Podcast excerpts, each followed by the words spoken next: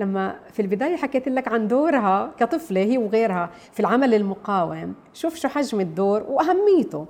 إنه علمونا آبائنا إنه نصرخ بكلمة العباية. في حال شفنا الإنجليز بيقتربوا من مكان ممكن يكون فيه ثوار. فكانت صرخاتنا تتعالى وصداها بينتقل من باب الساحة وال المنطقة اللي بشير لإلها والياسمينة للبوابة الشرقية والجامع الكبير والحارات الداخلية هناك. فإحنا شاركنا بشكل غير مباشر بالعمل المقاوم بال 36 فهاي الفترة الآن بإمكاننا وبكل جرأة نحكي إنه عمل النسوي بال 36 أو بعد أثر أحداث ثورة 36 أصبح شمولي أكبر. يعني الحركة النسوية لها دور اجتماعي آه، آه، خيري سياسي وعسكري. ليش عسكري؟ لأنه مش بس بتدعم بالمال اللي بتقدمه للثوار آه، بشراء الأسلحة.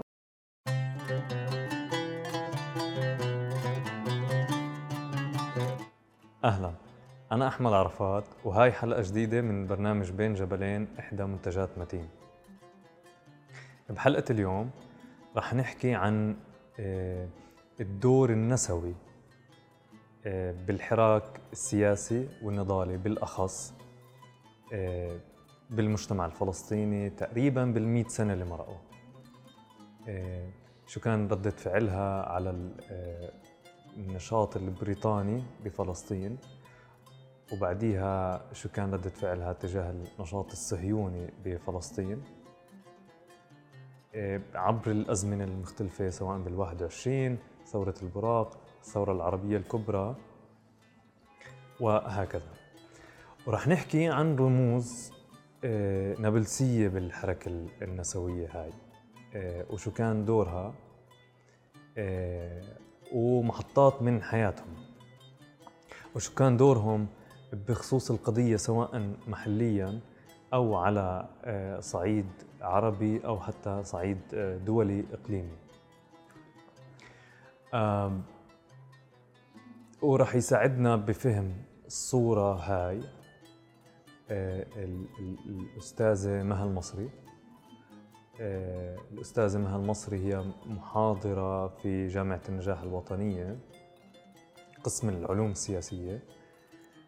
ومن الناس اللي مؤمنين آه، بدور الحركة النسوية بالنشاط السياسي والنضالي ضد الاحتلال.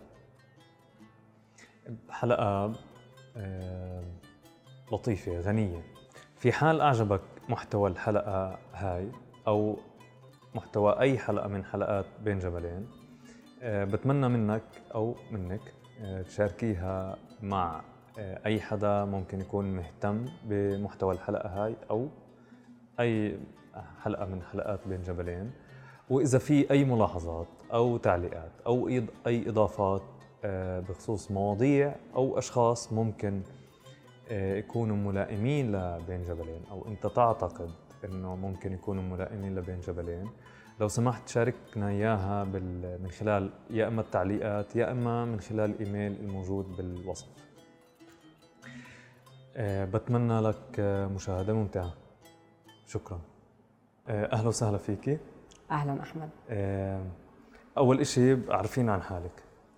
مها المصري محاضرة في قسم العلوم السياسية في جامعة النجاح الوطنية. أنهيت مرحلة البكالوريوس برضه بجامعة النجاح علوم سياسية فرع قانون. كملت في برنامج التخطيط والتنمية السياسية الماجستير وكملت دكتوراه بنظام التعليم عن بعد في علوم سياسية وقانون دولي. أهلا وسهلا. حاليا يعني لا زلت مستمرة بالتدريس بجامعة النجاح بقسم العلوم السياسية وبعطي كمان مساقات في قسم بالإدارة مهارات قيادة واتصال. آه، إلي 18 سنة بدرس بجامعة النجاح. آه، بحب كثير أكتب مقالات بتغطي حدث الساعة. في موضوعات خاصة لها أهمية وبالضرورة دائما بتتعلق بالشأن الفلسطيني بصحيفة القدس. آه، برضو آه، بحب كثير أشارك بمؤتمرات سواء بالجامعة أو خارج الجامعة مع جامعات فلسطينية أو جمعيات. وهذا طبعا زاد رصيدي المعرفي بمعلومات أنا بدرسها أو بمعلومات إضافية. وبعتبرها من أكبر المكاسب يعني اللي حققتها. طيب. هذا يعني حاليا النشاط اللي إيه، فيه. عندي فضول أعرف ليش علوم سياسية؟ ليش ليش قررتي تفوتي أو تدرسي آه، العلوم تمام. السياسية؟ هلأ آه، أنا كنت عندي يعني شغف إني أدرس القانون. فلما آه، خلصت مرحلة الثانوية العامة وبدي أقدم لجامعة النجاح ما كان في كلية قانون. في ال 89 90 ما كان في كلية قانون فكان في العلوم السياسية قسم العلوم السياسية بإمكانك تاخذ فرع قانون أو صحافة أو يعني إعلام. فأخذت القانون حبا بالقانون مش بالعلوم السياسية رغم إنه الرئيسي تخصصي الرئيسي العلوم السياسية. هلأ لما جيت أكمل الماجستير نفس الشيء إنه كان إنه بفكر تفكيري الخاص إنه ممكن أدرس قانون. وبالذات كان موضوع القانون الدولي كثير كثير آه، هذا الموضوع أحبه كثير يعني. من المساقات اللي درستها في مرحلة البكالوريوس. فما برضه آه، يعني بقانون الجامعة ما بصير إنه يكون الرئيس لازم يكون الرئيسي آه، في تخصص القانون عشان أكمل الماجستير عليه مش شيء فرعي. يعني مش آه، موضوع إنه آخذ مساقات استدراكية وأكمل. فوكأني أقحمت في العلوم في التخطيط التنمية السياسية لكن آه، فترة 2002 كان آه، موضوع التنمية السياسية وهذا الموضوع آه، مهم وموضوع الساعة وفي مؤسسات بتهتم بهذا الجانب. فيعني لما بحكي لك أقحمت في موضوع مش معناته إنه ضل الموضوع مستمر وكأنه غصب عني أو مش رضيانة عنه ومش مبسوطة فيه. لا بدليل إني تعبت على أدائي بالبرنامج. والحمد لله بال 2005 لما تخرجت كنت الأولى على دفعتي. فكنت محظوظة إنه بشهر 8 ناقشت وبالفصل الدراسي الأول شهر تسعة إنه تم يعني إبلاغي بإنه راح أكون أول اللي راح يستعين فيهم قسم العلوم السياسية كمساعدة بحث وتدريس. كانت هذه فرصة كثير حلوة ومفاجئة إلي حقيقي. وقيمة كثير وبضلني أفتخر فيها لأنه درست مع أساتذتي ومعلمين كبار زي الله يرحمه الدكتور عبد الستار قاسم زي الدكتور نايف أبو خلف. ويعني ما بدي آه، أنسى حدا من اللي كانوا موجودين في السنة اللي أنا كنت موجودة فيها لأنه في كان عدد من أساتذتي إما تاركين أو منتقلين لجامعات ثانية مؤقتا وكان في برضه زملاء أساتذة جداد بكن لهم طبعا كل الاحترام لأنه كانوا برضه من الداعمين لوجودي في القسم كطالبة من طالبات القسم. لطيف.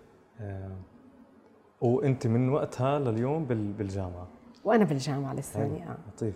ولساني بحب القانون وكل شيء بيتعلق بالقانون. أوكي. فيعني كانت كان موضوعي برسالة الدكتوراه المسؤولية القانونية دوليه للأطراف الداعمة للاحتلال. وكان يعني عفوا كمان مرة. المسؤولية القانونية اللي بتترتب على الأطراف الداعمة للاحتلال الإسرائيلي. كان النموذج الدراسي الولايات المتحدة الأمريكية والكبار بين دول الاتحاد الأوروبي فرنسا وبريطانيا وألمانيا دورها في استمرارية الاحتلال والتمادي في انتهاكاته. فيعني ملخص الدراسة كان بيوصل إنه مثل ما في مسؤولية قانونية تترتب على الاحتلال الإسرائيلي في مسؤولية قانونية بتترتب على كل من يدعم ويغطي وبهذا الدعم وهذا التغطية سمح بتمادي الاحتلال واستمراريته على الأقل كمان. لطيف. صراحة على قديش الموضوع هذا مغري بس لا مش مش حابب آه نحد عن الموضوع اللي بدنا نحكي فيه واللي هو الأنثى النابلسية أو الحركة ال بينفع أسميها سياسية صح؟ النسوية أول شيء كانت آه، طبعا يعني الحركه النسوية السياسيه اللي بدك تسأل عن دورها السياسي بالضبط أو النضالي المقاوم. نضالي 100% آه، تفضلي. آه موضوع كبير ولي الشرف إني أتحدث فيه وتعلمت عنه. آه لأنه يعني هو إرث آه إحنا بنغني أنفسنا فيه قبل يعني كنماذج إلنا كسيدات.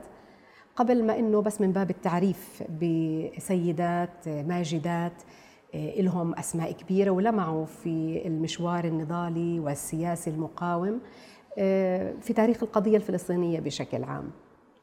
طبعا بالبداية إحنا يعني لما بدنا نتحدث عن هذا المشروع أو ناخذ الجزئية اللي بتتعلق بالحركة النسوية في مدينة نابلس طبعا لا يمكن الحديث عنها في معزل عن الحركة النسائية والعمل النسائي بالنسبة لسيدات فلسطين السيدات الفلسطينيات بشكل عام. لأنه إحنا بنحكي عن مشروع وطني بيعني الكل طبعا. والاصل الأصل دائما بنحكي على المظلة اللي ظهرت تحتها الحركة النسائية آه، في مدينة نابلس. لكن استمرت بالعمل تحت هذه المظلة اللي بتخص الحركة النسائية في كل فلسطين. فضلا عن آه، علاقتها وامتدادها على الصعيد العربي وعلى الصعيد الدولي أيضا يعني. فنابلس جبل النار مدينتي اللي احتلتها المركز وهالمكان الكبير والمرموق في العمل السياسي والنضالي المقاوم واللي آه، أرهقها الحصار أرهقها الدمار ولا يزال آه، لكن أهلها صامدين. وقد تكون هذه نقطة القوة اللي بتملكها أهالي مدينة نابلس صمودهم ومن هون الصمود مستهدف لكن لسان حال أهاليها يعني تهون التضحيات هيك يقال تهون التضحيات في سبيل الوطن وفي سبيل نابلس صح. فلما بدنا نحكي عن حركة نسائية ونشاطها بهذا الجزء السياسي المقاوم فبالأصل لازم نهتم بنقطتين قضية التعليم وقضية الوعي. هلا لما بحكي عن التعليم اللي مهد لهذا الحكي مادة من مواد الدستور العثماني لعام 1908 اللي كانت تأكد على ضرورة تعليم البنات. لكن مع هيك كان التعليم من حظ الفتيات اللي بينتموا للعائلات المتوسطة أو اللي أعلى من العائلات المتوسطة يعني الميسورة الحال. فكان هذا التعليم سمح بدرجة من الوعي. الوعي بأحوال المنطقة العربية بشكل عام وبالخصوصية الفلسطينية بشكل خاص.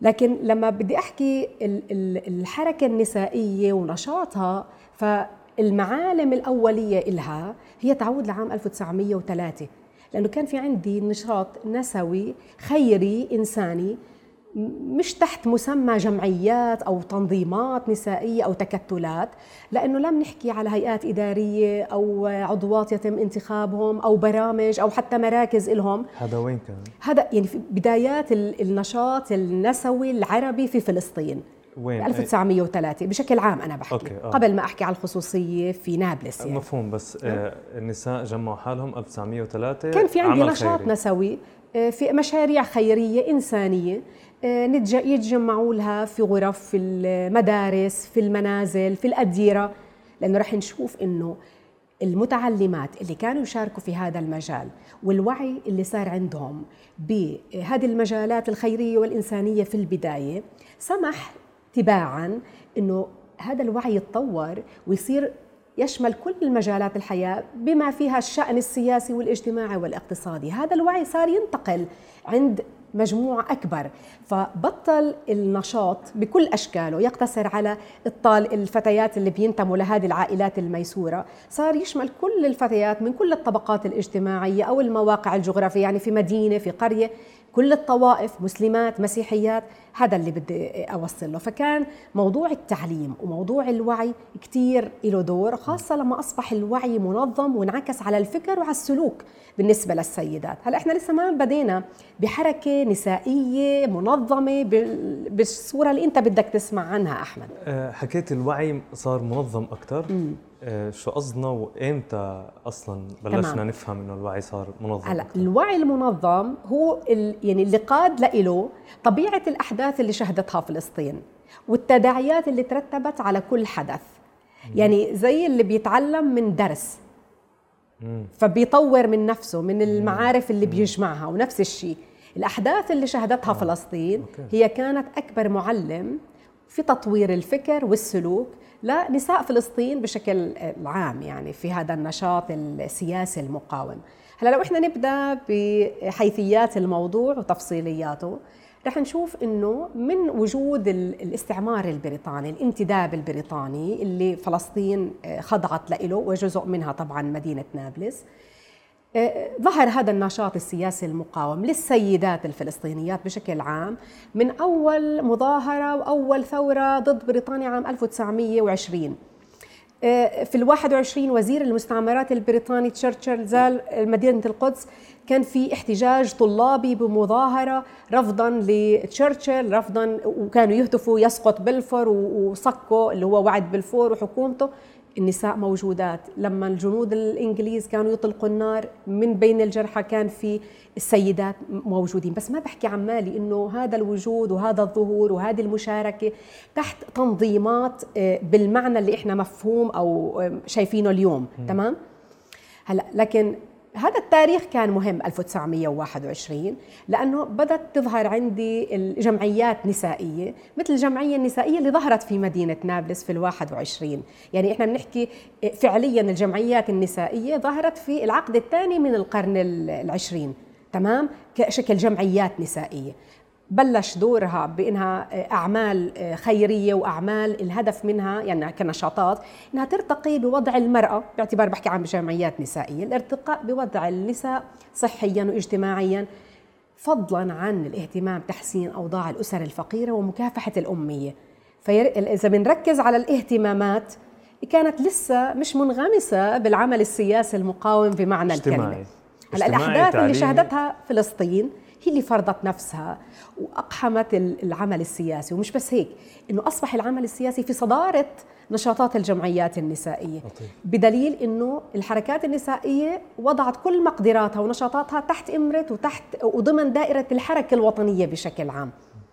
هلأ هذا فعليا فعليا ظهر بوضوح ورح أظهر لك الخصوصية اللي لامست آه، قياديات من مدينة نابلس بثورة مهمة جدا في تاريخ القضية الفلسطينية وبالنسبة للناشطات من مدينة نابلس اللي هي ثورة البراق بال 29 ثورة البراق طبعا كلنا بنعرف إنه آه، أهميتها إنها أعطت بعد للقضية الفلسطينية بعد إسلامي لأنه مش زي ما كنا مفكرين إنه من بداية الوجود البريطاني داخل فلسطين إنه ومساعي الاستعمارية لتمليك اليهود وطن كل السياسات البريطانية المنحازة لصالح هذا المشروع كانت تستهدف فلسطين وأراضي فلسطين. لا الآن ثورة البراق هي وجهت الأنظار إلى أن المقدسات الإسلامية أيضا أصبحت مستهدفة.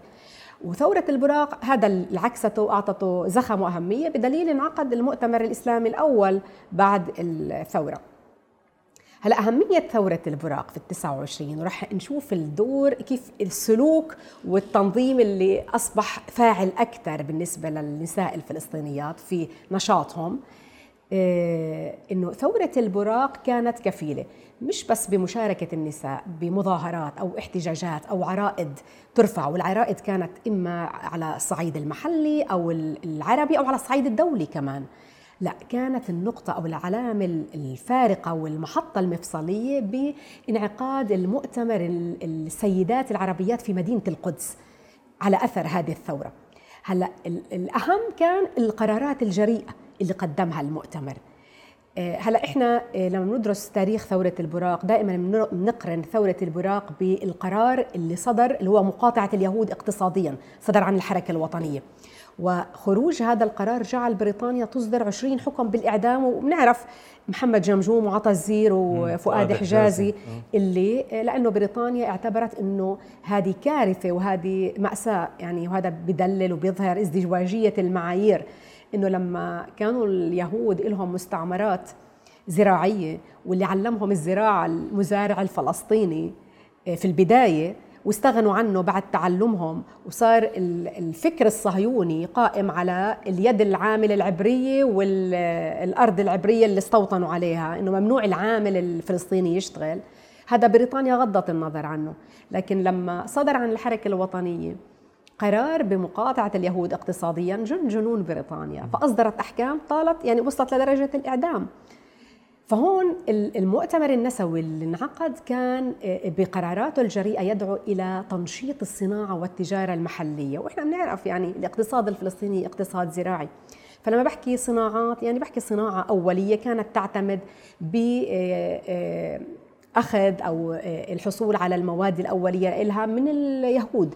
لأنه من عام 1920 شوف قديش هذا التاريخ بعيد وقديم كان لليهود شيء اسمه الهستادروت اللي هي كانت تمثل أصحاب المهن والحرف. آه، آه، في هذيك الفترة. يعني مقابل. وكأني بحكي كان في لليهود اقتصاد من آه. عام 1920 إحنا دولتهم بال 1948 اللي أعلنوا عن قيامها هذا دليل أنه بريطانيا من عام 1917 من أول ما وطأت قدمها أرض فلسطين بدأت تملك اليهود وطن وتأسس لهذا الوطن في داخل فلسطين. في 1920 أول مندوب سامي هربرت سامويل من أهم الأولويات اللي عملها أنه كيف يسن قوانين تسهل من إنشاء المؤسسات الصهيونية اللي هي حجر الأساس للدولة اللي أعلن عن قيامها بال 48 فكان أهم القرارات اتخذها المؤتمر النسوي تنشيط الصناعة والتجارة المحلية. وضع كل مقدرات الحركة الوطنية آه، آه، ضمن دائرة الحركة الوطنية بشكل عام. يعني أنه إحنا تحت توجيهكم ومعكم آه، النهوض بالمشروع النسوي.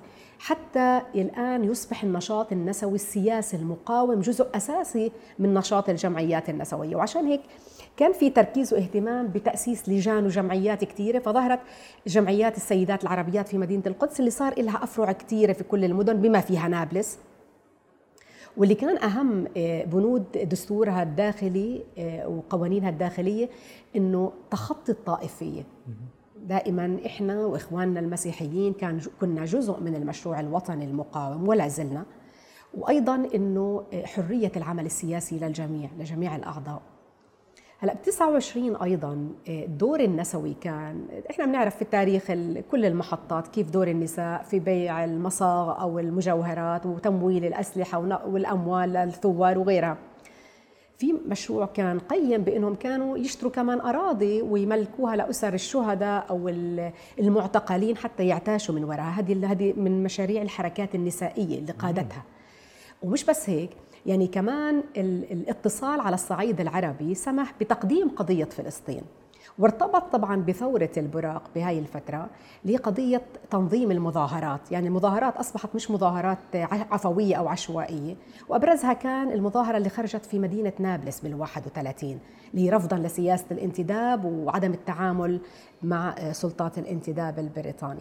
ف 29 إذا بنحكي عن مدينة نابلس اللي كانت موجودة فيها الجمعية النسائية اللي كانت رئيستها السيدة مريم هاشم من ال 21 وكان في فاضلات معها كمان بالجمعية لمع دور مريم هاشم في ثورة البراق. وكل الأشكال الدعم المادي والمعنوي للقائمين على الثورة وللحركة الوطنية ساهمت فيها شخصيا. هي وزميلاتها لك هي تصدرت المشهد كرئيسة للجمعية النسائية في مدينة نابلس. المحطة الأوضح كانت هي ثورة 36 الثورة الكبرى. أنا آسف بس عندي سؤال آه تفضل أحمد. قد إيه تقريبا كان عمرها وقتها؟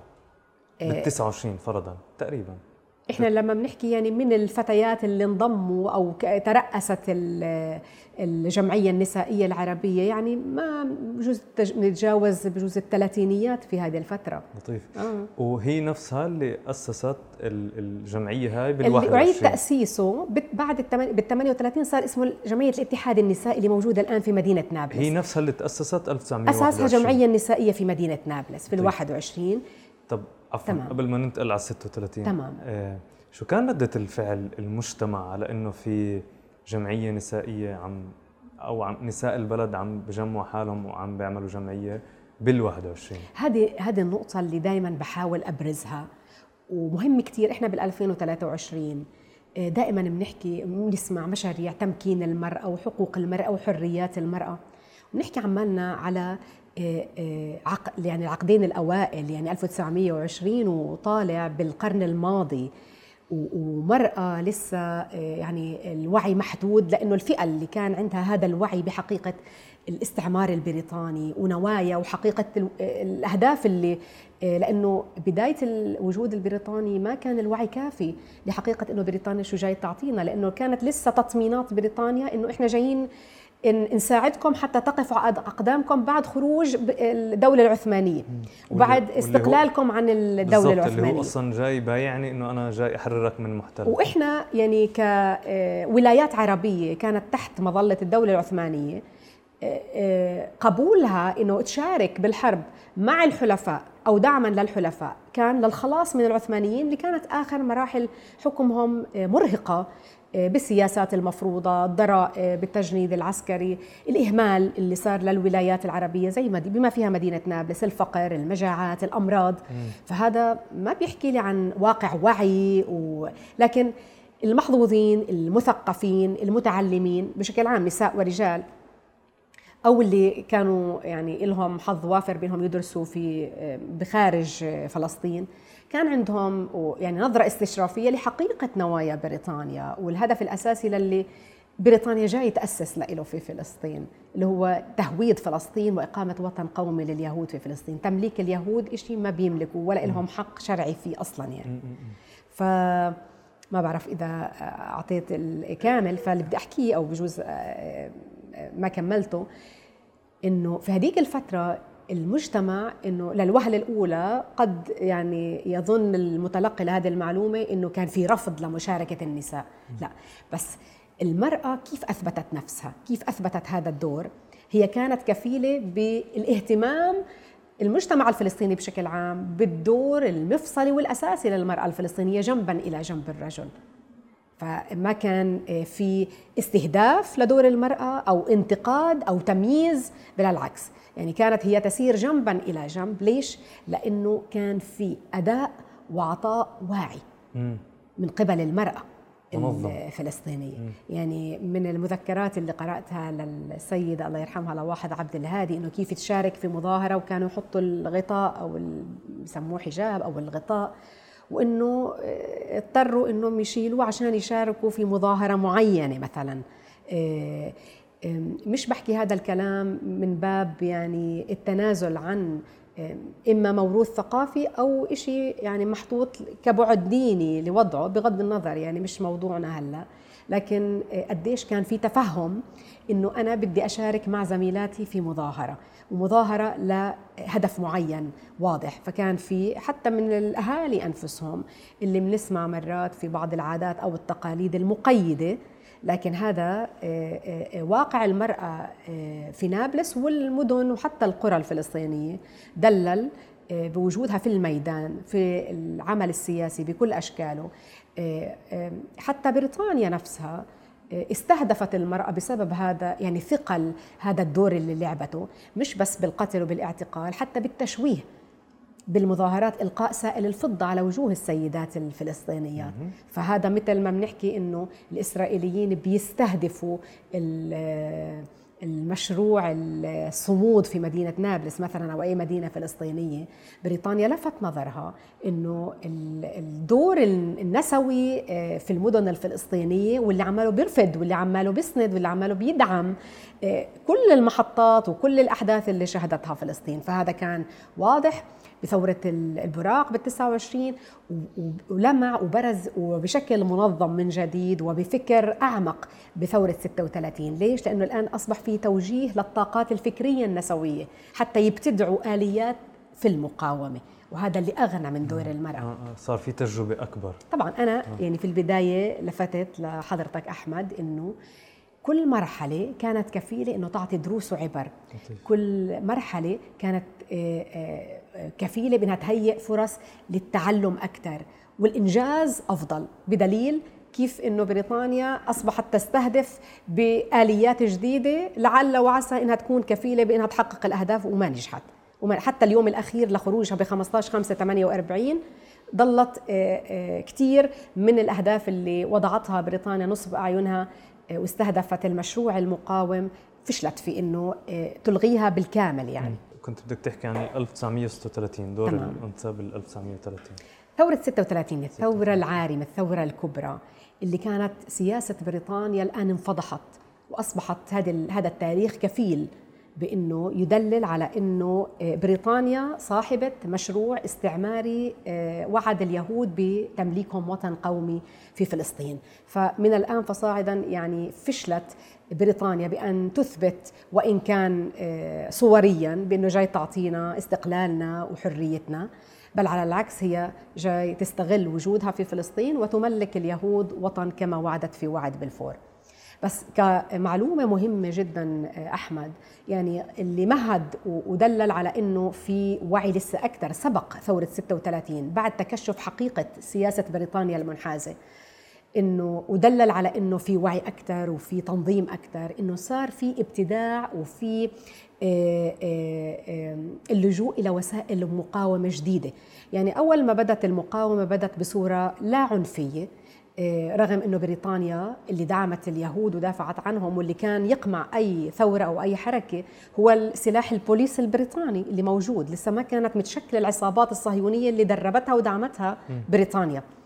فكانت وسائل المقاومة لا عنفية. أعقد مؤتمرات وأنادي بالمطالب الوطنية اللي معروفة في مقدمتها رفض التقسيم يعني تقسيم فلسطين أو سوريا الكبرى اللي فلسطين جزء منها لأنه إحنا بنعرف أنه سايكس بيكو اللي وضعت بال 1916 هي اللي جزأت وأنشأت لي الدول اللي أصبح لها حدود المصطنعة اللي وضعتها حتى تسهل عليها السيطرة والتقسيم بينها وبين فرنسا. فمن الوسائل كانت هي وسائل المقاومة وسائل لا عنفية عقد المؤتمرات أو استغلال أي مناسبة وطنية أو سياسية للمطالب بهذه المطالبة بهذه المطالب. آه، فمن آه، الوسائل المقاومة صار عندي كمان عقد آه، تنظيم المظاهرات. بعد صلاة الجمعة مدينة القدس في ال 33 مدينة يافا هذه مظاهرات منظمة وكان يشارك حتى فيها عرب. يجوا ويشاركوا في هذه المنظمات حتى يعطوها زخم أكثر. كان في للمؤتمر حتى عرب انت حكيتي من الدول العربية المجاورة آه، أوكي. آه، آه. تمام آه. هلا آه، بريطانيا طبعا كانت تمنع تمنحهم تراخيص لهذه المظاهرات لكن رغما عنها كانت تخرج هذه المظاهرات وفي إحدى هذه المظاهرات المؤتمرات اللي كانت تنعقد دائما أي مؤتمر بيكون له لجنة تنفيذية تشرف على البيان الختامي وترعى تنفيذه فموسى كاظم الحسيني كان من الضحايا اللي من كثر ما تعرض للضرب باعقاب بنادق البوليس البريطاني بعد أشهر بمشاركته بهذه المظاهرات آه، توفى فهذه المظاهرات أيضا اللي في ال 31 في مدينة نابلس رفضا لاعتقال زعماء ورجالات حركة الحركة الوطنية أو في مدينة يافا والقدس كان الوجود النسوي أيضا فيها واضح. هلأ ثورة 36 وكأنه مرحلة يعني آن الأوان للانتداب البريطاني والوجود البريطاني أنه ينتهي من الآن فصاعدا ما رح نعول على بريطانيا وعودها الكاذبة.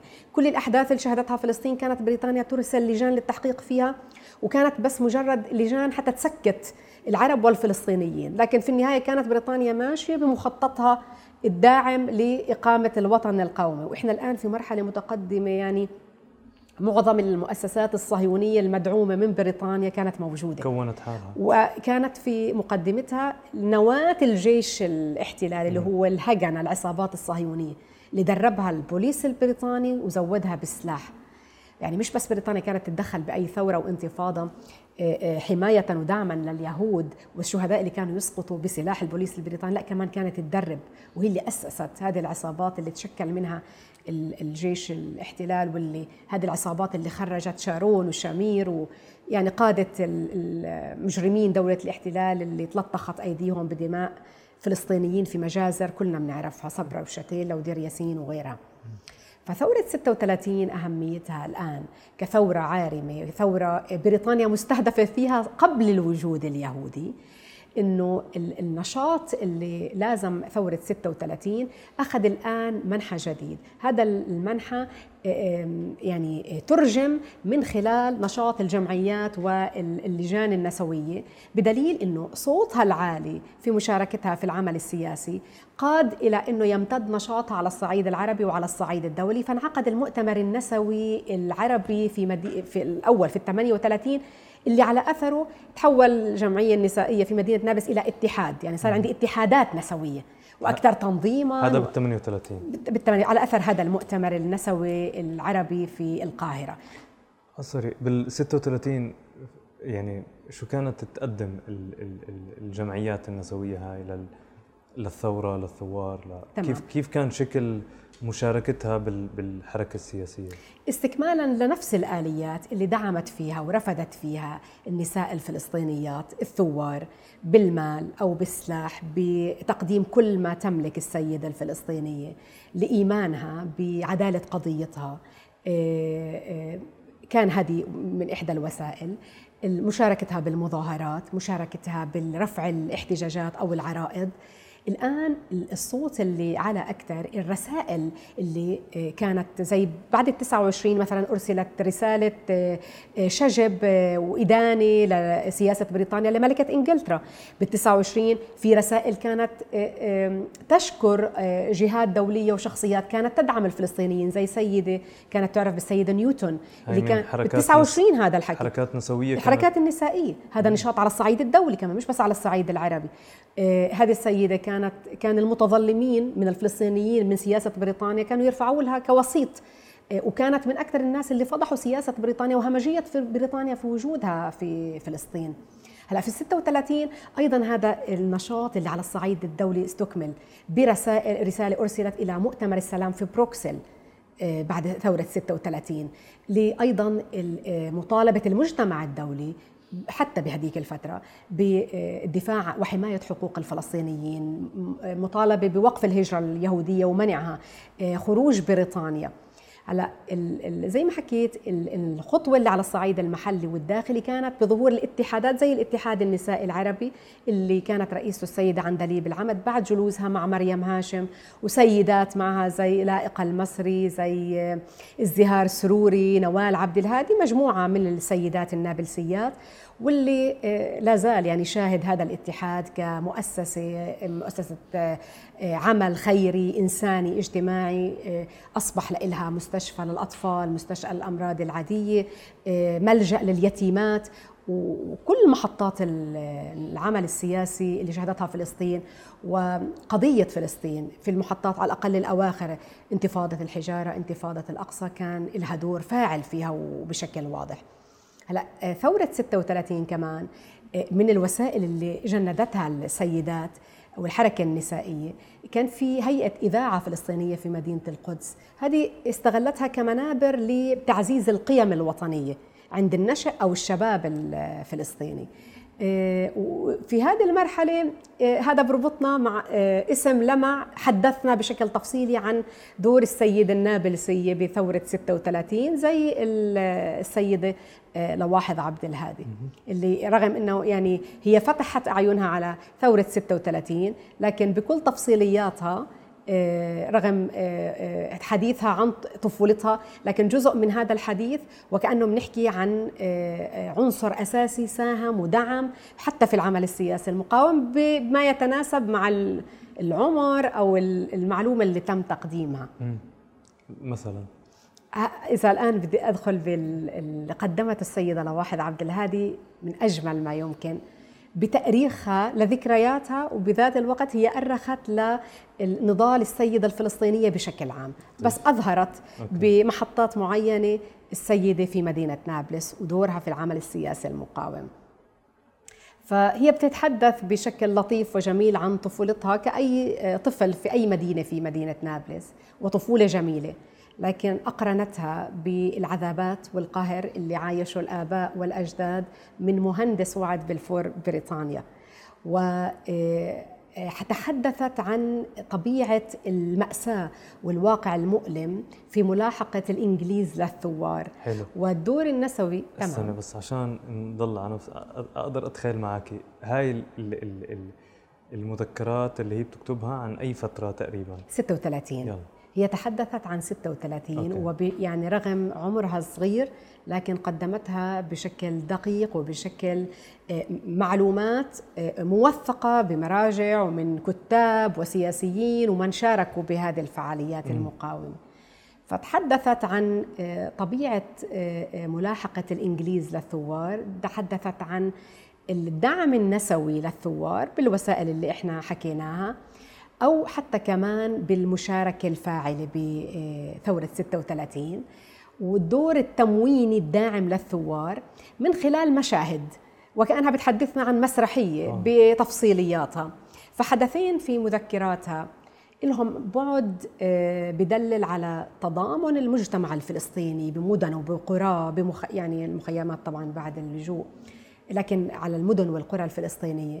التكافل الدور النسوي كمان اللي جنب المقاومين أو الثوار.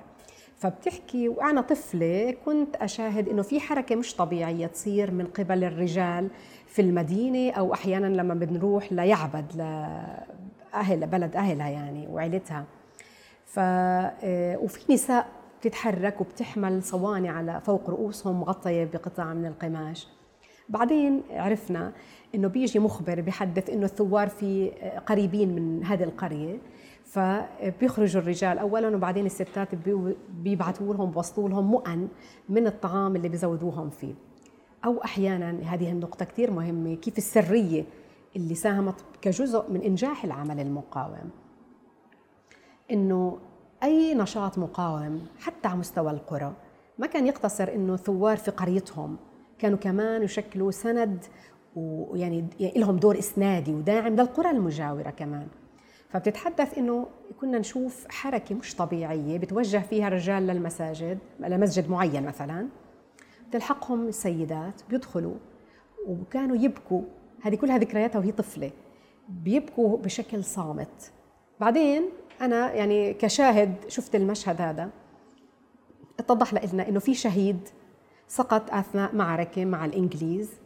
لكن ما في حدا بيعرف هويته أو القرية اللي بينتمي لها فكانت الشروط دائما المتبعة أو الشيء المتعارف عليه إنه ما نعرف على هوية هذا الشهيد أو القرية أو المدينة اللي بينتمي لها لأنها بريطانيا راح تنكل بعائلته أو آه، زي ما مثلا إحنا عايشنا بالاحتلال الإسرائيلي قبل الانتفاضة. أي أو بالذات فترة كمان الانتفاضه أي عملية أو عمل يخرج مثلا من مدينة نابلس في منع سفر مثلا أهل مدينة نابلس. من يعني بيته. وكأنه نفس آه, آه. السياسات الاحتلالية. الله. فما آه، حدا كان يعرف. هلا وهي طفلة بتقول ثورة 36 اللي ما واعيين كل تفصيلياتها وأحداثها لكن ساهمت بصقل شخصيتي أنا شخصيا والأطفال بشكل عام بدليل إنه بأهميتها والنتائج وما ترتب عليها هي ساهمت بشقل صقل شخصيتي. هيك بتحكي في مذكراتها. فبتحكي وإحنا كنا صغار حتى هذا الشيء انعكس على ألعابنا. كنا نلعب آه، فريقين الثوار والإنجليز وكيف آه، نتراشق بالحجارة ونلحق بعضنا البعض. لكن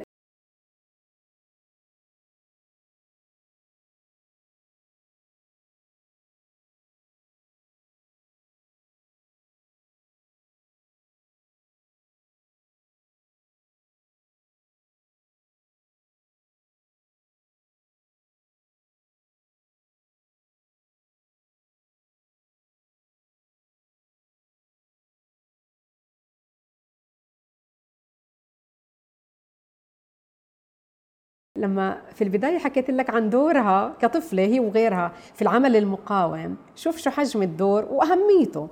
إنه علمونا آبائنا إنه نصرخ بكلمة العباية. في حال شفنا الإنجليز بيقتربوا من مكان ممكن يكون فيه ثوار. فكانت صرخاتنا تتعالى وصداها بينتقل من باب الساحة وال المنطقة اللي بشير لإلها والياسمينة للبوابة الشرقية والجامع الكبير والحارات الداخلية هناك. فإحنا شاركنا بشكل غير مباشر بالعمل المقاوم بال 36 فهاي الفترة الآن بإمكاننا وبكل جرأة نحكي إنه عمل النسوي بال 36 أو بعد أثر أحداث ثورة 36 أصبح شمولي أكبر، يعني الحركة النسوية لها دور اجتماعي آه، آه، خيري سياسي وعسكري. ليش عسكري؟ لأنه مش بس بتدعم بالمال اللي بتقدمه للثوار آه، بشراء الأسلحة وكمان صارت تتدرب على حمل الأسلحة واستخدامها كمان.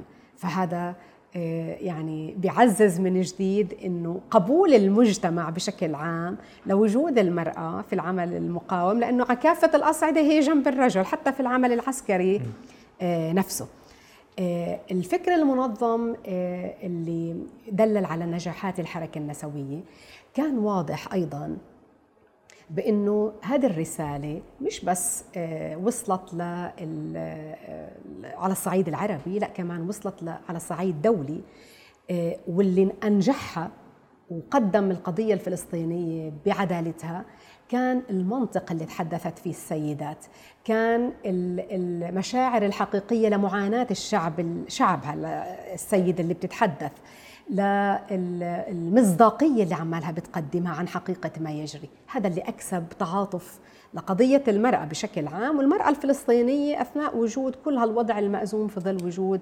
آه، بريطانيا. طبعا لما حكيت هذا كان كفيل بال 38 بانعقاد المؤتمر النسوي العربي الأول في ال 38 اللي كانت رسالته غير التعريف بالقضية الفلسطينية للدول الكبار فرنسا وبريطانيا وألمانيا وحماية الفلسطينيين آه، كمان كانت رسالته للعرب والمسلمين والدفاع عن الفلسطينيين. وكمان تبني أسر الشهداء والمعتقلين وكانت الرسالة واضحة بإنهاء الوجود البريطاني ورفض الهجرة اليهودية وكل ما ترتب على سياسة بريطانيا المنحازة. هذا قدموه السيدات العربيات في هذا المؤتمر اللي شاركت فيه ممثلة عن فلسطين السيدة طرب عبد الهادي. يعني حتى كان الوفد الفلسطيني أكبر الوفود اللي كانت مشاركة في هذا المؤتمر. طبعا هذا كمان تعزز أكثر في ظل وجود بريطانيا. وكان يعني فترة الأربعينيات بعد ما بدأت بريطانيا تعد العدة للخروج وعلى أثر صدور قرار تقسيم فلسطين بالسبعة وأربعين من الجمعية العامة للأمم المتحدة. شهدت مدينة نابلس برضه مظاهرة رفضا لهذا القرار شاركت في جمعية الاتحاد النسائي المدرسة العائشية اللي هلأ راح أحكي عن ذكريات رائعة جدا بالنسبة للسيدة لواحد فيها بالنسبة للعمل السياسي وأيضا كلية النجاح والكلمة اللي ألقتها آه، آه، الفتاة أو الطالبة اللي كان اسمها نائلة كنعان كانت من المدرسة العائشية اللي درست فيها السيدة لواحد عبد الهادي إيش قصة الكلمة؟ آه، آه، هذه رفضا لقرار تقسيم فلسطين اللي صدر بال 47 وكان فترتها بال 47 في مؤتمر نسوي عالمي في مدينة نيويورك. رفض الوفد الفلسطيني إنه يشارك احتجاجا آه، وتنديدا بالرئيس الأمريكي اللي كان موجود فترتها اللي هو ترومان. رئيس ترومان طبعا معروف إنه من اليوم الأول اللي دخل فيه للبيت الأبيض. طلب من حكومة بريطانيا إنه دخل مئة ألف يهودي فورا إلى فلسطين. وكان صهيوني إحنا بال بالعلوم السياسية بنسميهم هدول الناس اللي بيدعموا مشروع الحركة الصهيونية واليوم مثلا بيدعموا دولة إسرائيل. الصهاينة الأغيار. أغيار يعني غير اليهود لكن من كتر دعمهم تفوقوا على الصهاينة اليهود أنفسهم. فترومان أو لما بنحكي عن بلفر من الصهاينة الأغيار اللي رفضوا طبعا السيدات يشاركوا في هذا المؤتمر العالمي في نيويورك احتجاجا على سياسة ترومان المنحازة لليهود. آه يعني ترامب ما كانش شيء جديد. لا مش مفاجأة آه مش مفاجأة. قد يكون أقل شأنا يعني من ناس سبقوه خاصة ناس آه، اللوبي الصهيوني تكفل بحملاتهم الانتخابية زي الرئيس ريغان مثلا آه. آه. آه. آه. فأنا بتذكر في فترة من الفترات عملت دراسة آه والمعلومات اللي بالنسبة لأشكال الدعم الأمريكي واستعرضت فيها الرؤساء الأمريكان من أيام ترومان بتذكر فترتها كان آخر شيء الرئيس الأمريكي بوش الإبن فترة يعني أنا ما كتبت المقال قبل الرئيس آه، آه، اللي بعد الرئيس الأمريكي آه، بوش الإبن. فكان عمالنا بنشوف بوضوح أكم هي سياسة بتتعاظم وبتدلل على إنه في مصالح مشتركة. دللت عليها وكأنه يعني أصبح موضوعات زي المصالح الأمريكية والأمن حتى الأمريكي هو جزء من الأمن إسرائيل ومصالح إسرائيل وأحيانا تتفوق عليها. لواحد عبد الهادي آه, آه، بالنسبة لل الفترة اللي عن جد كان في لها دور ودور آه، ثمين جدا وكبير بيستحق إنه يدرس ويعرف آه، أو نتعرف كلنا عليه. وكمان وثق. آه، لمشروع آه، خدم الفلسطينيين خدم اللاجئين الفلسطينيين كمان وخدم بالمعلومات آه، دللت على النشاط النسائي المقاوم والنشاط النضالي أيضا. إنه هي درست في معهد دار المعلمات وكان محظور ضمن القوانين الكلية في القدس. الحديث بالمواضيع السياسية. آه، لكن كان محظور؟ إلى حد ما. آه. آه. لكن كان النشاط الأكاديمي آه، مقرون بنشاطات ثانية موسيقية وأناشيد وغيرها وهذا شيء راقي وشيء مهم طبعا. وظفته لواحد عبد الهادي لما آه، اشتغلت معلمة خاصة بتعليم الأناشيد الوطنية لطالبات المدرسة العائشية. بس يبدو أنه كان لها اهتمام بالشأن السياسي. فكانت محظوظة أنه إحدى المعلمات الشابات وذكرت اسمها سلمى الخضر آه، تجاوزا لقوانين المعهد كانت تجمع الطالبات وتتحدث معهم بالشأن السياسي. وعلى أثر الحرب 48 كانت ما توفر جهد بأي فرصة أنها تسمع على واحد عبد الهادي من أي حدا في هذا الموضوع. لما صارت الحرب ولنكبة 48 اللي ترتب عليها آه، لجوء ثلثي ثلثين الشعب الفلسطيني يعني بين 800 و 900 ألف سواء للضفة الغربية وقطاع غزة أو لدول دول الجوار الأقرب. بتحكي من المراكز اللي آوت اللاجئين كانت المدرسة العائشية اللي كانت تدرس فيها فبتحكي عن دورها. هي والتلميذات اللي تدرسهم وهي كمتطوعات وزميلاتها. بالمساعدة سواء بجمع التبرعات أو حتى عملوا بازار خيري يعني ريعه يعود لدعم الموجودين أو حتى يعني المساعدة بإيواء هدول اللاجئين.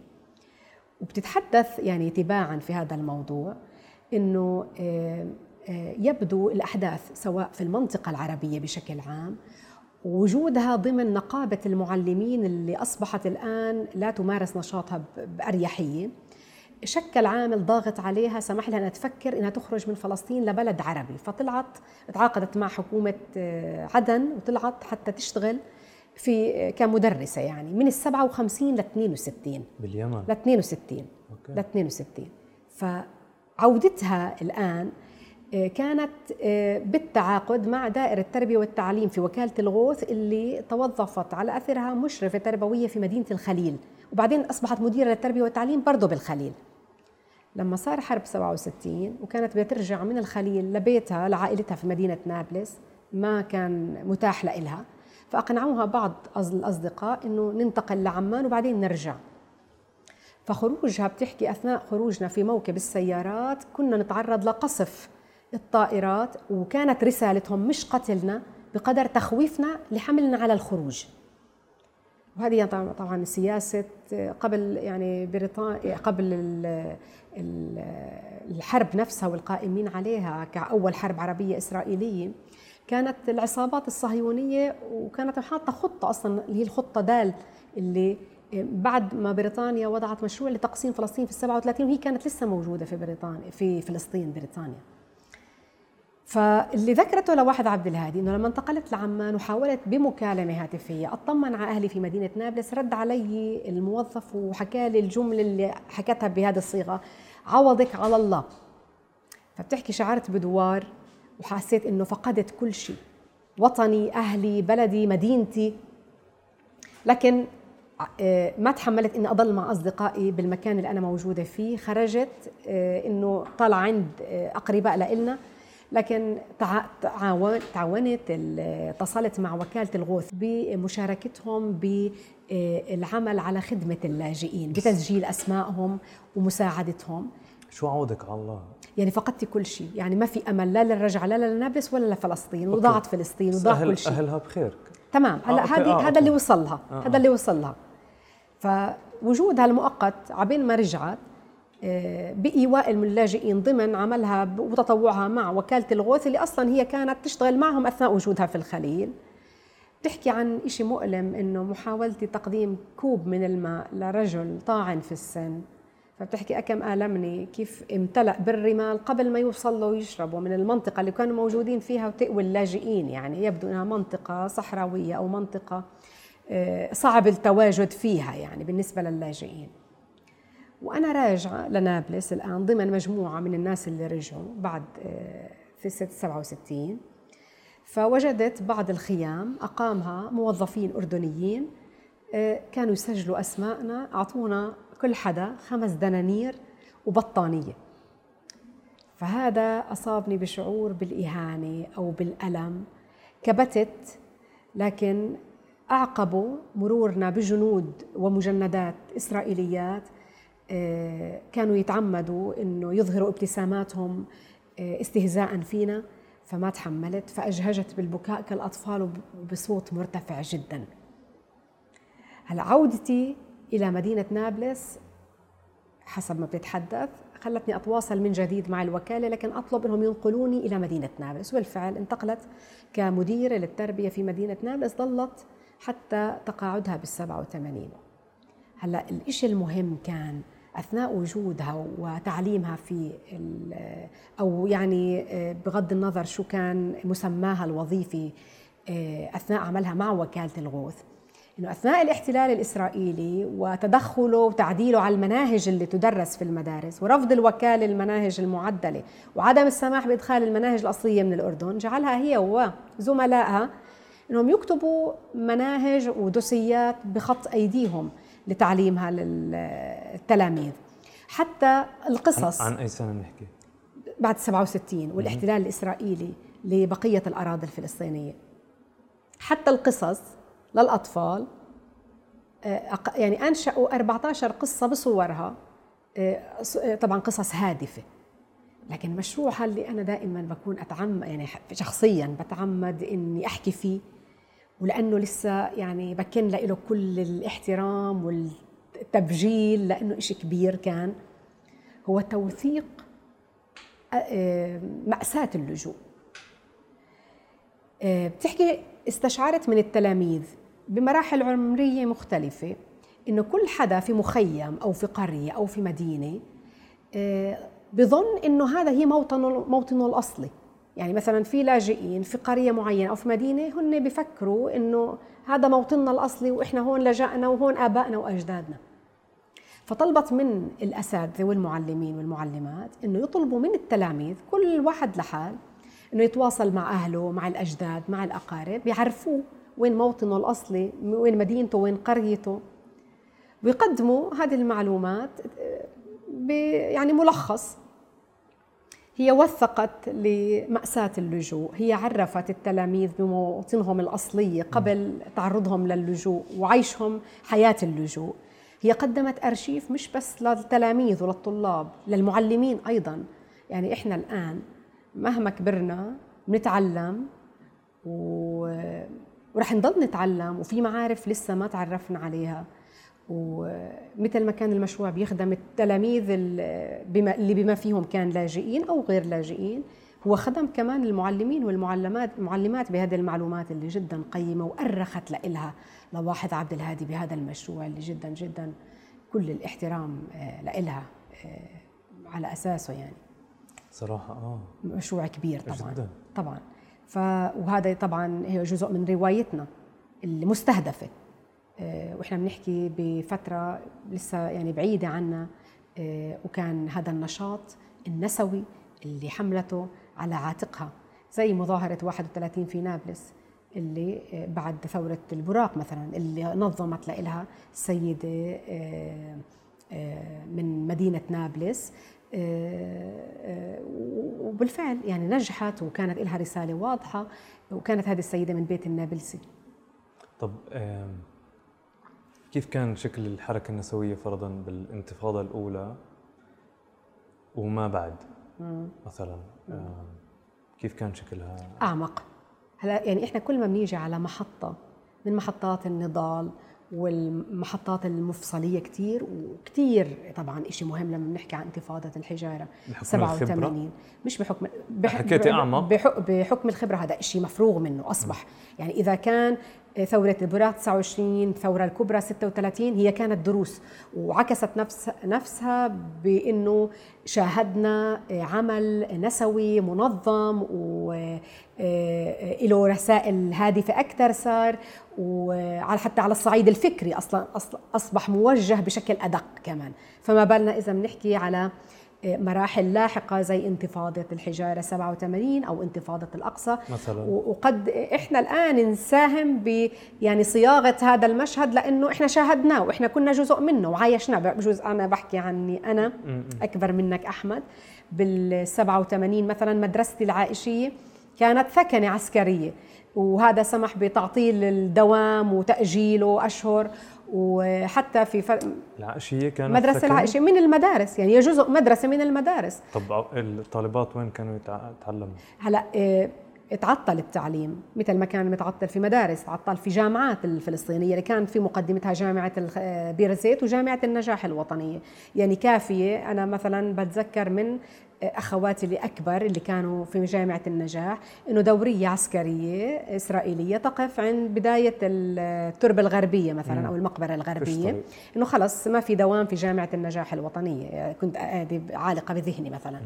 أنا مثلا في المرحلة الثانوية المدرسة العائشية كانت من الثكنات العسكرية اللي كما هي مدارس موقعها استراتيجي مثلا بالنسبة للاحتلال وكان يسيطر عليها ويقعدوا فترة فيها طبعا زي وهذا ضل يعني يعني مش وعايشته عايشوا أكثر من جيل هذا الحكي مش بس على زمني ممكن آه أسابيع. طبعا آه. طبعا غير الإتلافات اللي كانت تصير زي, زي مش بس يعني زي ما بيحتلوا بيوت أو عمارات ونفس الشيء كان ال- الوضع هلا 87 آه، كان في دور واضح ودور آه، يعني حتى خدماتي أعمق آه، لأنه الآن بنحكي عمالنا على جمعيات آه، واضحة لها برامجها لها استراتيجياتها آه، لها نشاطاتها المنظمة بشكل أكبر. يعني كل ما كنا بنحكي عن هيئات منظمة أكثر بالضرورة بيكون يعني مثل لأنه عملها منظم وبالتالي النتائج بتكون أكثر وقع وأكثر أهمية كمان.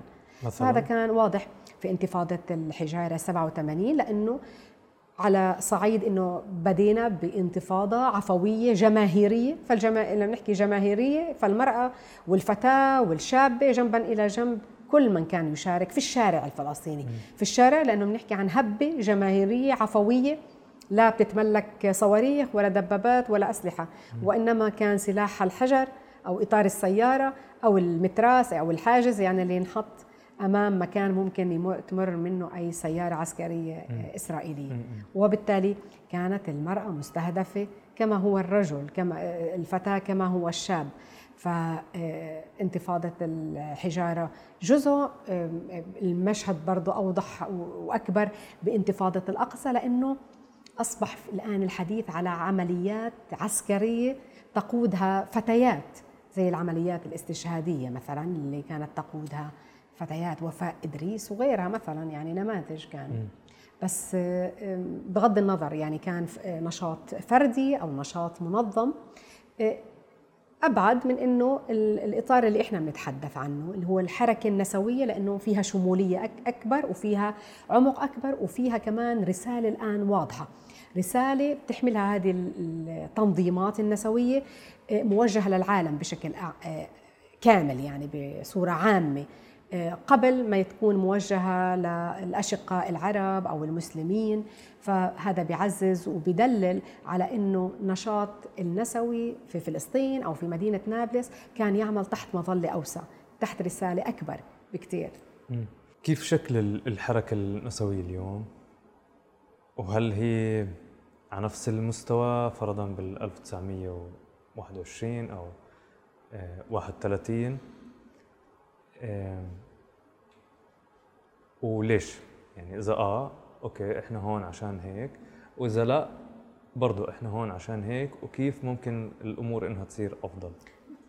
الأصل دائما في أي موضوع نحكي بداية بإيجابياته مم. فحاليا فعليا ورأي متواضع آه، لأنه ما بتكتمل عندي المعلومات حتى أقدم الصورة بتفصيلياتها فمن باب الأمانة أنه في المشهد اللي بتعلق بالنشاط النسوي آه، بحاجة أنه كمجتمع فلسطيني نمنحه ثقة أكبر. إحنا بنحكي سياسيا؟ بشكل عام. بشكل عام. نمنحه ثقة أكبر. طب وحتى نعزز. هذه الثقة من ال... بالنسبة للطرف اللي رح ياخذ هذه الثقة لازم نشتغل على حالنا أكثر. طيب بنفع على القليلة بال بال بالجزئية هاي نحكي بخصوصية أكبر عن المجتمع النابلسي. تمام. أوكي. شو يعني حكيتي نمنح ثقه أكبر. طيب كيف نمنح ال ال ال ال ال الأنثى النابلسية ثقة أكبر سواء كفرد أو كجمعية؟ بعرفش أنت. كسيدة نابلسية أو كسيدة فلسطينية بشكل عام مش رح تكون أبعد يعني بعيدة كتير يعني إنه نحكي بشكل عام. ولكن إذا حبيت يعني أحكي بالجزئية على الأقل لأني أنا بنت نابلس. بالضبط. ويعني أحكي لك يعني من باب إني وكأني كنموذج إنه لازم نشتغل على حالنا كسيدات بداية. قبل ما نكون تحت يعني موجودين تحت مظلة جمعيات أو مؤسسات آه، منظمة آه، إحنا بحاجة إنه نشتغل على حالنا نقدم نفسنا نعيد المكانة اللي مفروض نستحقها كمكان الدور. لطيف. كيف؟ هلا هذا دور كبير. آه. ودائما لما بنحكي عن أسماء زي السيدة مريم هاشم أو عن دقليب العمد ال- ال- أو لواحظ عبد الهادي. الله يرحمهم. طب كيف؟ بيستحقوا إنهم يكون نموذج يحتذى فيه. لطيف. تمام؟ فالآن على إيش رح نشتغل؟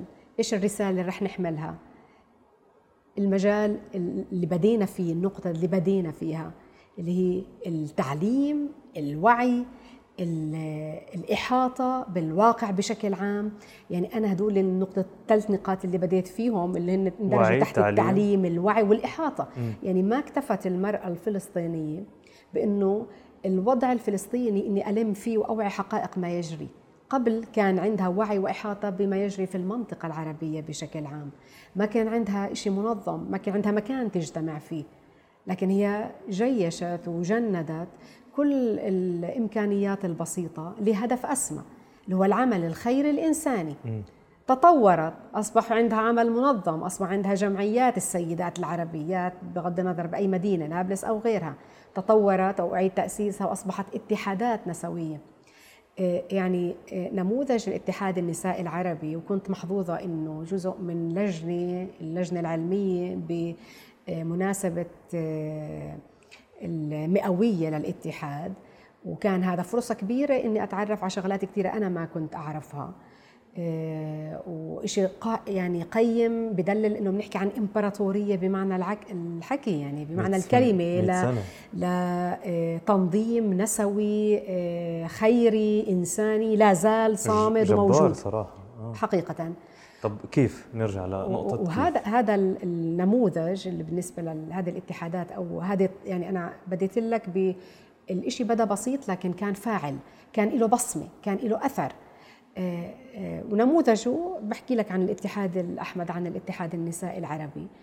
إنه حقيقة من معرض الصور اللي كان يوثق لتاريخ الاتحاد هذا اللي خلاني أعطي توصيف إمبراطورية أحكي عن الاتحاد النسوي النسائي الع- في مدينة نابلس.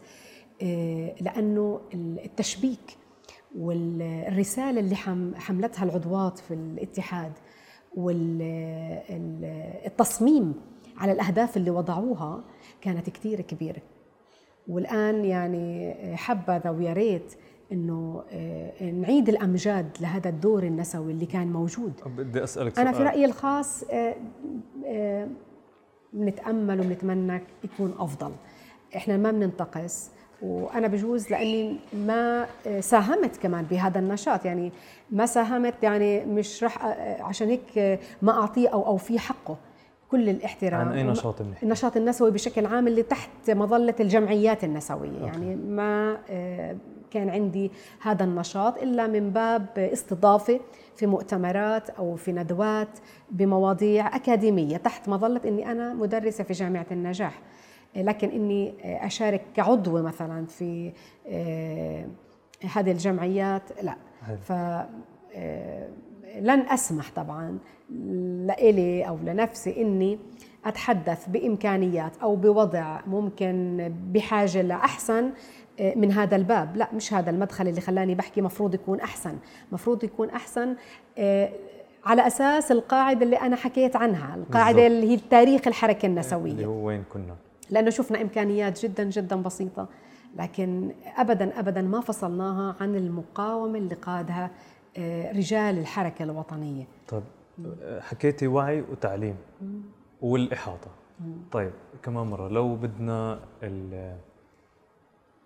الأمور ال- ال- ال- الحركة النسوية النابلسية okay بالأخص الفلسطينية بشكل عام بدنا نعيد تفعيلها okay ونبلش نعطي أسماء بارزة وبكثرة زي آه، السيد مريم هاشم ست لواحظ و و و okay لو بدنا نعيد التجربة وبكثرة شو الخطوات اللي اللي اللي عارفة المجتمع ككل لازم يعملها واللي زي ما انت حكيت النساء النابلسيات يعملوها.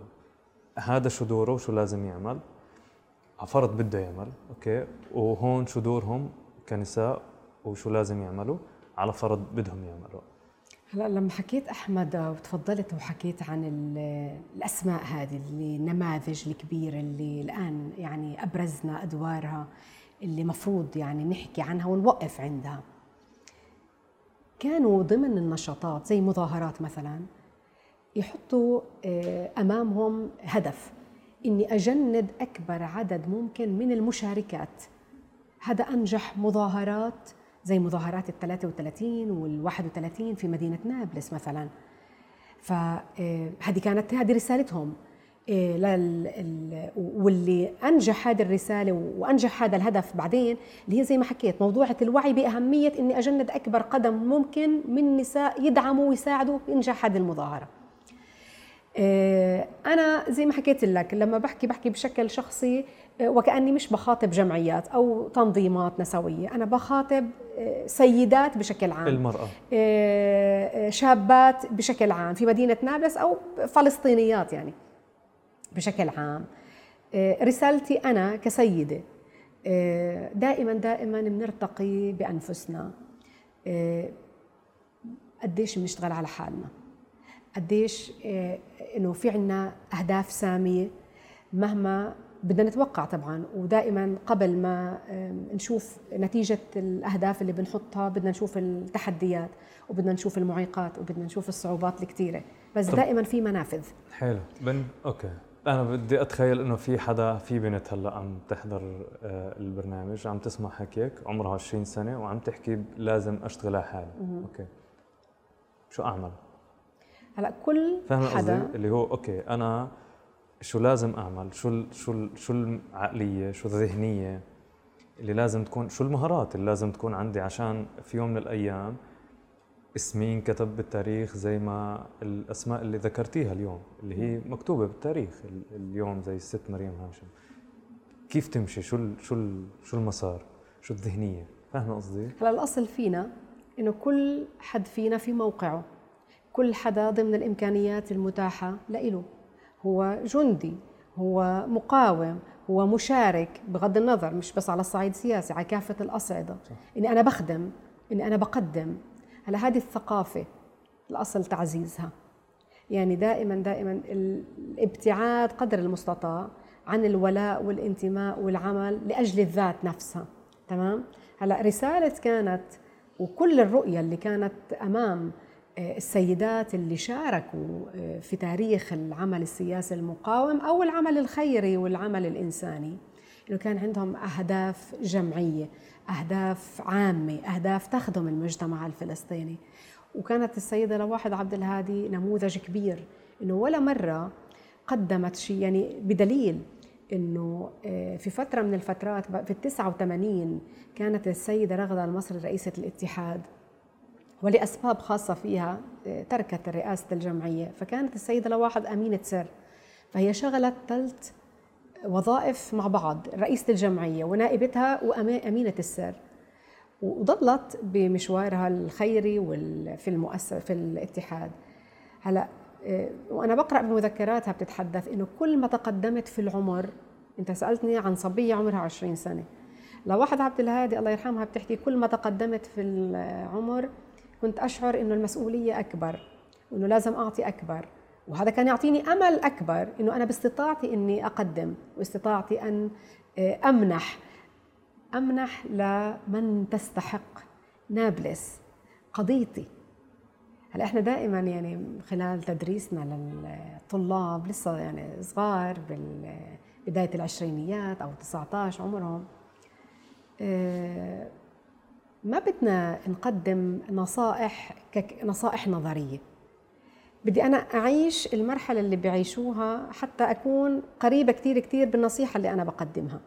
فدائما يعني قبل ما تقدم النصيحة بدك تشعر الطالب إنه أنا بختصر عليك مثلا سنوات قطعتها وبعدين وصلت لهذه النتيجة اللي كنت سامعتها من أهلي من والدتي مثلا من والدي. فأنا آه، تيقنت لحقيقة هذه النصيحة اللي نصحوني إياها بس مرق كثير آه، سنين لا وصلت لها.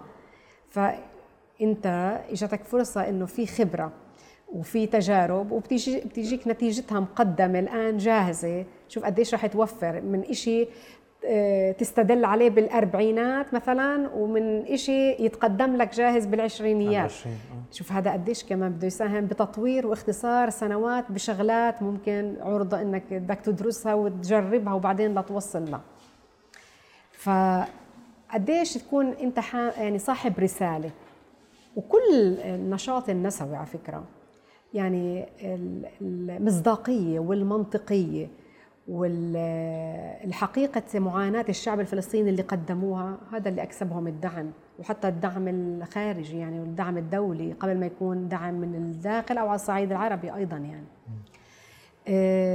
دائما دائما قديش يعني الوقت الوقت الوقت تنظيم الوقت الاهتمام فيه البرمجة لنهارنا قبل ما نبدأ فيه. وهذه كثير بحب أحكيها للطلاب. إنه ما أترك حالي إنه بكرة الخميس آه، كيف يبدأ نهاري؟ لما بيجي الخميس. إنه إحنا دائما بنحكي في عنا إعداد وبنحكي إن شاء الله إنه هذا البرنامج يمشي. بس ما في شيء إحنا بإيدنا إحنا بنقول دائما إن شاء الله إنه ربنا بيسر موضوع برنامجنا زي ما إحنا حطينا مخططه. بس أنا عارف إني أنا صاحي من الثمانية للتسعة عندي محاضرة من التسعة للعشرة ممكن أقعد مع صحباتي بالجامعة بعديها في عندي محاضرة بس بعديها في عندي بقية نهار كيف بدي آه، أشتغل عليه. آه، ممكن أنا يعني كأم عندي ولدين آه، برضه بهذا السن الصغير مش كثير دائما مستساغة قضية تنظيم الوقت وعلى التكه وهيك كيف يكون. أنا لأني أيقنت هذا الكلام بفترة بجوز متأخرة كثير يعني إذا بدي أكون دقيقة هي المرحلة اللي أنا كنت فيها مرحلة الماجستير قديش عرفت إنه دائما في وقت قدامي زيادة كثير هذا بريح كثير هذا جزء من نجاح الشخصية كثير هذا بيوفر وقت. من إنه يعطيني مثلا مشرفي آه، يومين لتسليم مثلا الفصل الأول آه، إنه قبل اليومين جاهز. وكانت على فكرة يعني في إشادة من مشرفي الله يعطيه الصحة الدكتور نايف أبو خلف بالالتزام. فبالفعل هذا فادني إنه صار عندي ظرف عائلي مثلا ظرف وفاة. فكان بإمكانه يأجل لي مناقشة رسالتي والنفسية اللي أنا أكمل فيها شغلي. لو أنا ما كنت شاغلة وفي عندي بالعكس وقت لقدام وأنا جاهزة. فهذه القضية قضية الوقت تنظيم الوقت احترام الوقت كمان. إحنا يعني الجامعة مشكورة على فكرة. في هذا مساق وهو مش مساق يعني ناجح أو راسب بدون علامة. لكن أنا يعني بكون كثير كثير مبسوطة لما بدرسه من باب إنه بعلم وبتعلم.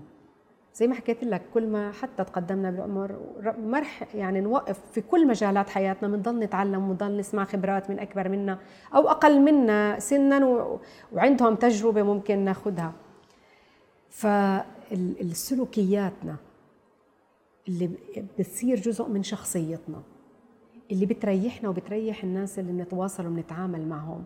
وبتريحنا كمان وبتساعدنا بالإنجاز والإنجاز الهادف.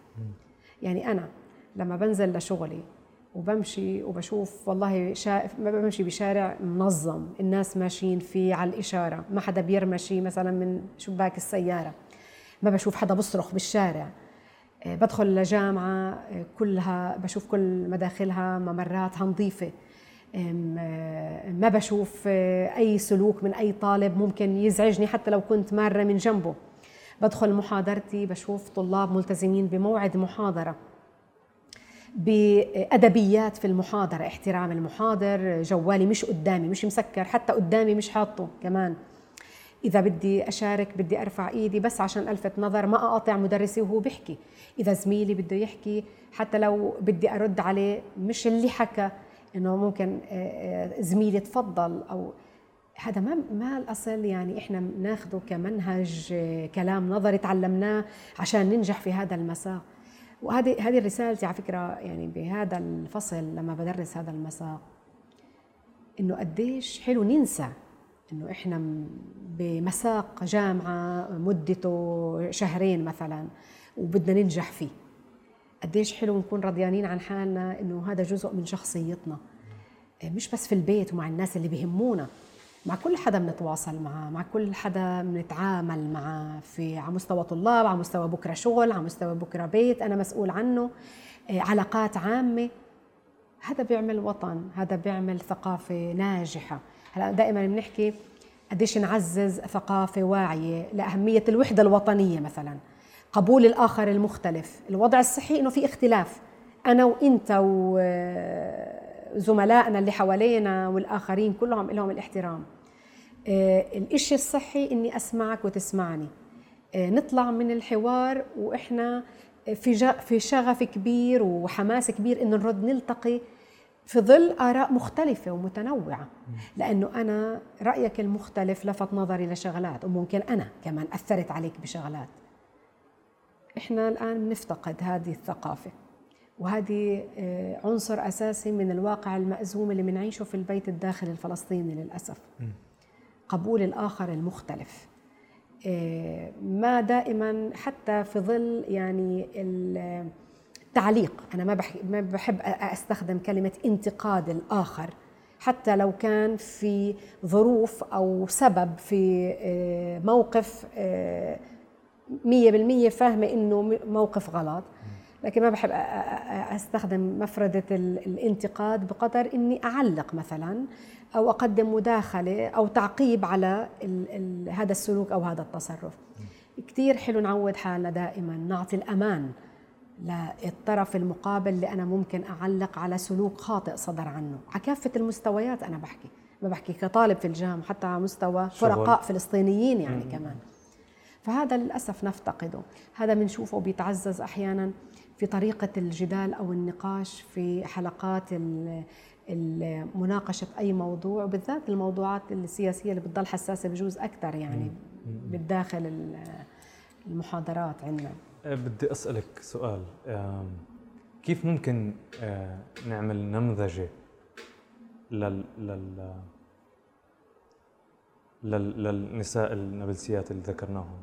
بحيث إنه ال ال ال الفتاة النابلسية تلاقي نموذج يحتذى به قريب عليها قريب على محيطها بيشبهها بيشبه مدينتها بيشبه محيطها. كيف ممكن؟ زي الست لواحظ زي الست مريم وأنا متأكد إنه في كثير أكثر كيف ممكن نقدمهم كنموذج؟ بالمقام الأول يحافظ على سيرتهم لأنها تستحق إنها تذكر بالمقام الثاني اللي هو البنت تكبر بنموذج قريب عليها بتصير تحكي أنا بدي أصير زي هاي. كيف نقدر نعمل هيك؟ إحنا يعني كثير بدأ بجوز يفكروا مرات مش بس الطلاب يعني أي حدا ممكن أتفهم إنه قريب مني وبتفهم إنه إذا أي ملاحظة مثلا ممكن أحكيها. إنه لأني بحبه مثلا هذا الناس الإنسان اللي بحكي معه. كثير إيه، إيه، بفكروا إنه إيه، حضرتك أو إذا أستاذ إنه في تكلف. كثير حلو نعود حالنا. يعني حتى كأفراد في البيت دائما الطريقة هذه بترتقي فينا. إحنا بنكون راضيانين عنها كثير يعني. ألطف. حتى إحنا إحنا بنرضى عنها كثير يعني. وزي ما حكيت لك أي شيء متعلمه مش نتعلمه لمرحلة أو للحظة أو لموقف أو لمناسبة عادة. هو منهج حياة بالزبط. وسلوك. آه آه آه. برضيني أنا عن حالي قبل ما أشعر في قبول وفي رضا من اللي بيتعاملوا معي آه يعني كست وبالنسبة للفتيات بعرف إنه في أمور برضو بتهمنا كسيدات أو كفتيات. وبحب أنبه لهم لما بحكي كمان على هذول السيدات الماجدات اللي آه، اللي لا زال إرثهم الغني آه، حاضر وبيعلمنا أشياء كثيرة لما حكيت لك أحمد عن المعرض اللي آه، أقيمت أقيم يعني ووضعت الصور على هامش مناسبة مئوية الاتحاد النسائي. كان يؤرخ لمناسبات آه، الاتحاد كان يدعو لها آه، زوجات ورؤساء دول عربية آه، ملوك ورؤساء دول عربية.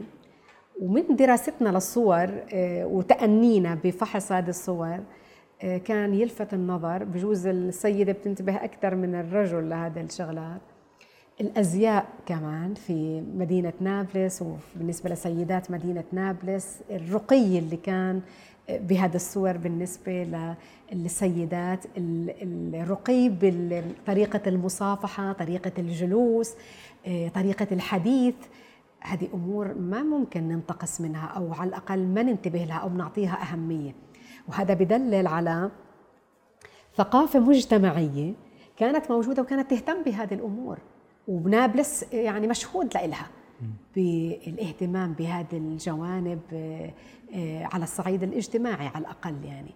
فمش معنى إني أنا أشارك في آه، مشروع سياسي أو بأي نشاط. معناته أنا رح يكون في عندي إهمال أو انتقاص من أساسيات الأصل. هي جزء من أنوثة الفتاة وجزء من شخصيتها وبتعزز هذه الشخصية صح؟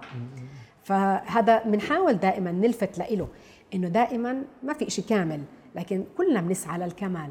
إنه آه، أدخل مثلا لمحاضرة أكون متمكنة معرفيا وعلميا هذه أولوية. إني أنجح بإني أقدم معلومة توصل للطلاب وعلى الأقل يعني أعطي تقييم لمحاضرتي بإنها ناجحة. آه، وصلت الفائدة اللي أنا بدي إياها واللي الجامعة بدها إياها. قدمت نفسي بشكل لائق لأنه لازم أكون مرتبة. أنا وأنا واقفة بحدث وبتحدث مع الطلاب. لازم تكون نبرة صوتي تحترم الموجودين. لازم كمان مفرداتي انتقيها وتدلل إنه في مكانة كمان للطلاب حتى لو كنت أنا أكبر منهم. فهي بتصير سلوك تبادلي.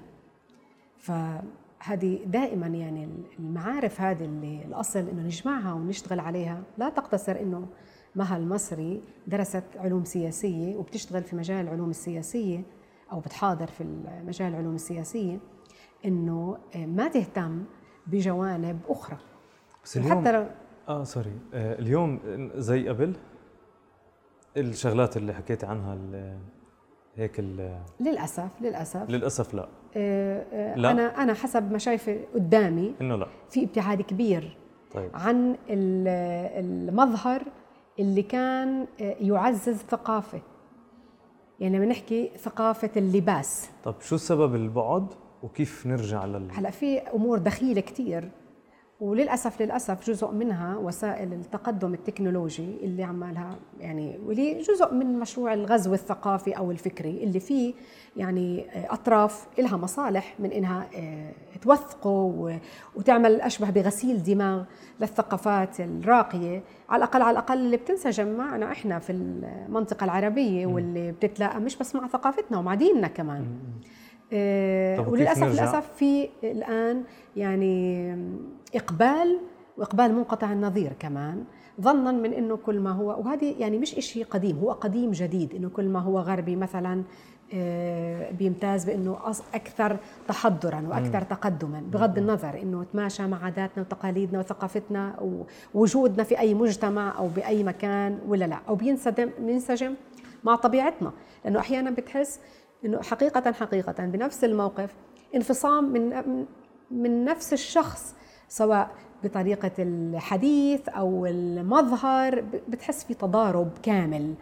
بكل هاي العناصر اللي بيعبر عنها الشخص في شكله في حديثه ثقافته. فهو لا ينتمي وكأنه إلى أي مجتمع بشكل دقيق. هذا. فيعني هو وضع نفسه في مأزق أكبر من الصورة اللي بقدم نفسه فيها.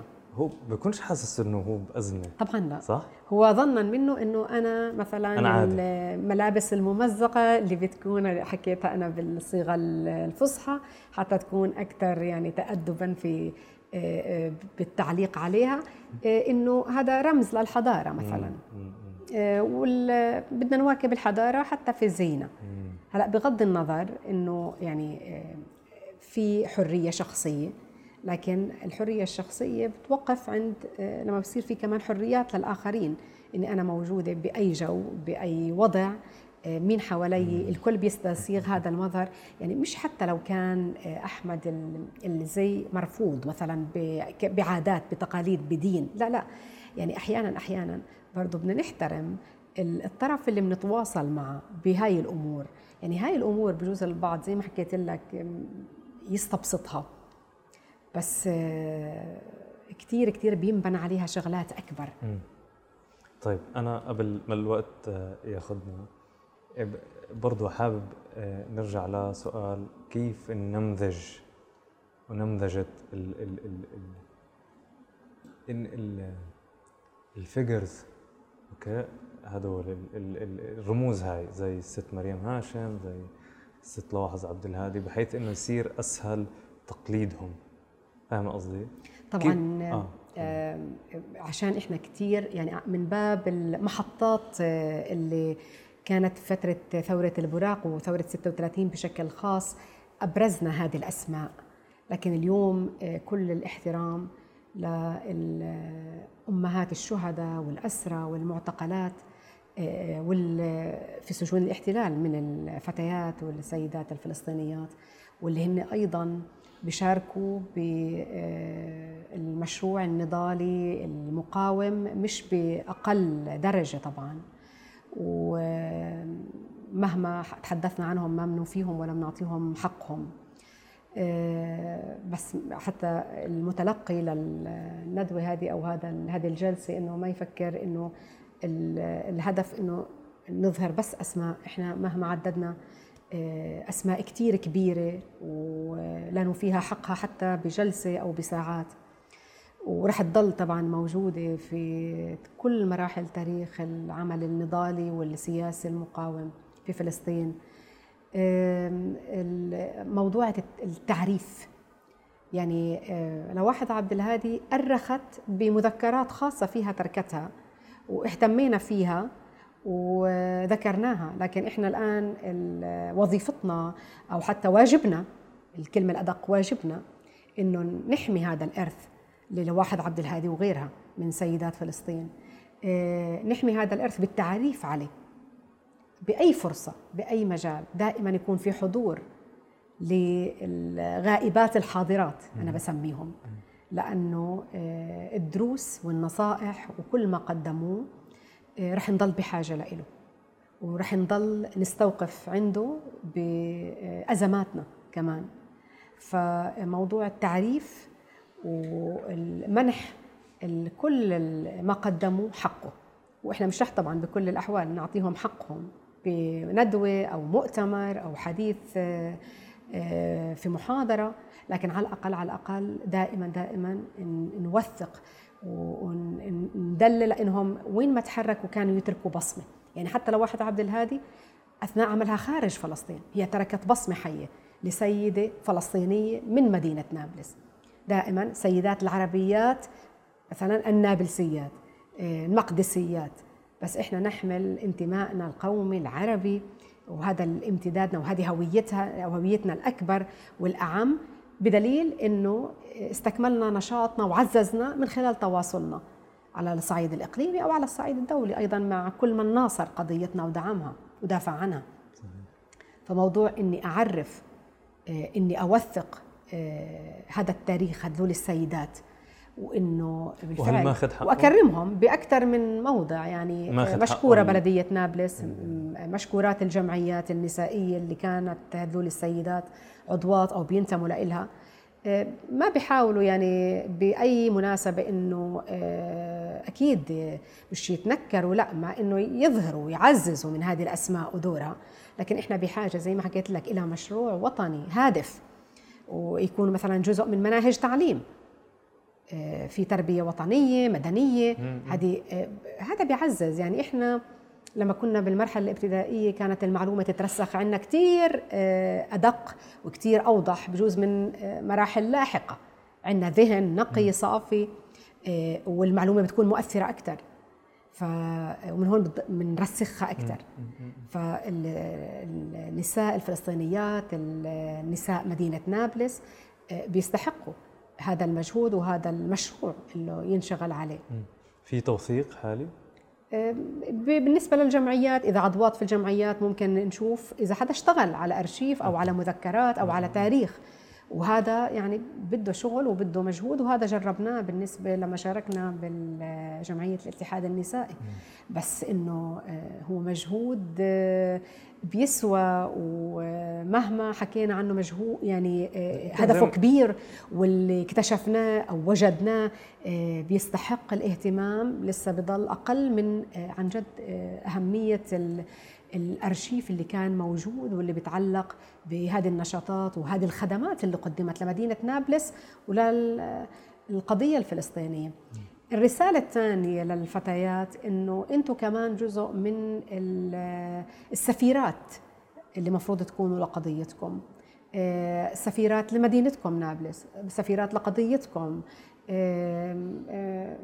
هذا بنعززه ونشتغل عليه وبنقدم نفسنا من خلاله كل ما قدمنا نفسنا بالصورة وبالمنطق اللي مفروض نسمعه ومفروض نشوفه وهذا زي ما حكينا بنرجع لنا قضية التعليم الواعي. التعليم الواعي التعليم الهادف مش أجيب شهادة ولا درجة علمية لكن ما أفيد ولا أستفيد ولا أأثر فيها ولا أوظفها كمان لخدمة قضية لخدمة قضيتي العادلة في المقام الأول فإحنا كلنا سفراء لقضيتنا لكن إن أحسننا توظيفها إذا قدمناها للعالم كقضية عادلة. منظمة. إحنا إحنا بنتحمل مسؤولية بالصورة للأسف أو بالواقع المأزوم اللي بنعايشه لأنه أي أي حدا فينا آه، عليه مسؤولية آه، تقديم هذه القضية والدفاع عنها. كيف؟